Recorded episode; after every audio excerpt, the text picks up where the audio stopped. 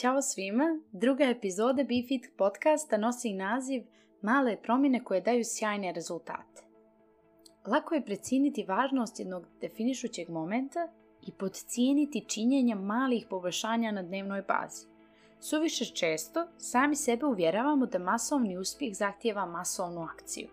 Bez obzira na to da li se radi o gubljenju kilograma, pokretanju biznisa, pisanju knjige ili postizanju bilo kojeg cilja, mi vršimo pritisak na sebe te napravimo neko poboljšanje koje će zatresti zemlju i o kome će svi pričati.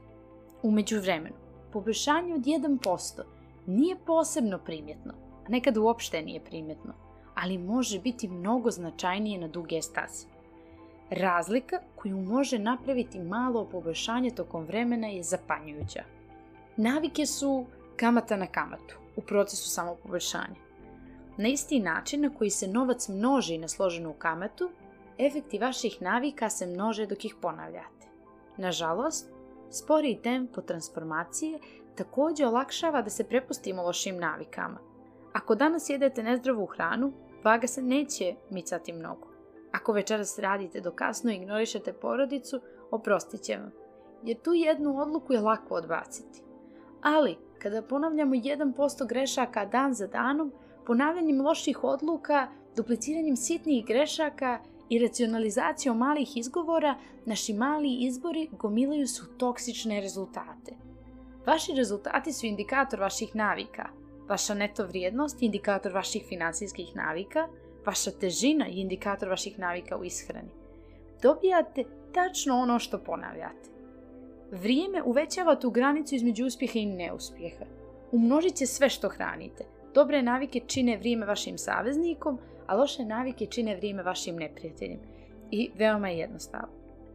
Sada ćemo se fokusirati na jednu rečenicu koja glasi Zaboravite na ciljeve i fokusirajte se na sistem. Zašto? Ciljevi se odnose na rezultate koje želite postići, a sistemi se odnose na procese koji vode do tih rezultata. Sada postavlja se pitanje da li su ciljevi potpuno beskorisni, naravno da ne. Ciljevi su dobri za određivanje pravca, ali sistemi su najbolji za napredak. Nekoliko problema se javlja kada potrošite previše vremena na razmišljanje o svojim ciljevima i nedovoljno vremena za dizajniranje sistema. Problem 1. Pobjednici i gubitnici imaju apsolutno iste ciljeve. Ako uspješni i neuspješni ljudi dijele iste ciljeve, onda cilj ne može biti ono što ih razlikuje. Na primjer, ja i moje drugarice imamo cilj da skinemo 5 kg. I ako ja u tome uspijem, a ona ne, onda taj cilj koji smo mi imali nije ono što je nas razlikovalo. Cilj je uvijek bio tu. Tek kada smo implementirali sistem kontinuiranih malih poboljšanja, postigli smo drugačiji ishod. Problem 2. Postizanje cilja je samo trenutna promjena. Postizanje cilja samo mijenja vaš život u tom jednom običnom trenutku. To je ono paradoksalno kada je riječ o poboljšanju. Mislimo da treba da promijenimo svoje rezultate, ali rezultati nisu problem. Zamislite sada da imate neurednu sobu i postavite cilj da je očistite. Ako skupite energiju da je sredite, onda ćete imati čistu sobu za sada. Ali ako zadržite iste neuredne navike koje su dovele do neuredne sobe na prvom mjestu, uskoro ćete ponovo gledati gomilu nereda u sobi. Problem 3. Ciljevi ograničavaju vašu sreću. I zaista ovo mislim, jer uvijek sebi govorimo stvari kao što su kada smršam 10 kg bit ću srećna i zadovoljna ili srećan i zadovoljan. Kada dobijem više mišićne mase, tada će sve da bude sjajno. Mentalitet postavljanja sistema prije svega nudi protiv otrova. Kada se zaljubite u sam proces, u sistem, a ne u proizvod i rezultat, ne morate čekati da date sebi dozvolu da budete srećni. Možete biti srećni u ovom momentu. Problem 4. Ciljevi su u suprotnosti sa dugoročnim napretkom. Um koji je orijentisan ka ciljevima može stvoriti jojo efekat.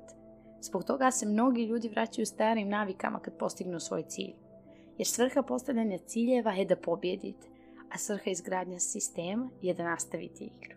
Za kraj ove epizode samo želim da vas podstaknem da se fokusirate na cjelokupni sistem, a ne samo na jedan cilj. Navike su kao tomi naših života – Svaki od njih je osnovna jedinica koja doprinosi vašem ukupnom poboljšanju. U početku ove sitne rutine izgledaju beznačajno, ali ubrzo se nadovezuju jedna na drugu i povećavaju dobitke, koji se umnožavaju do stepena koji daleko nadmašuje troškove njihovog početnog ulaganja.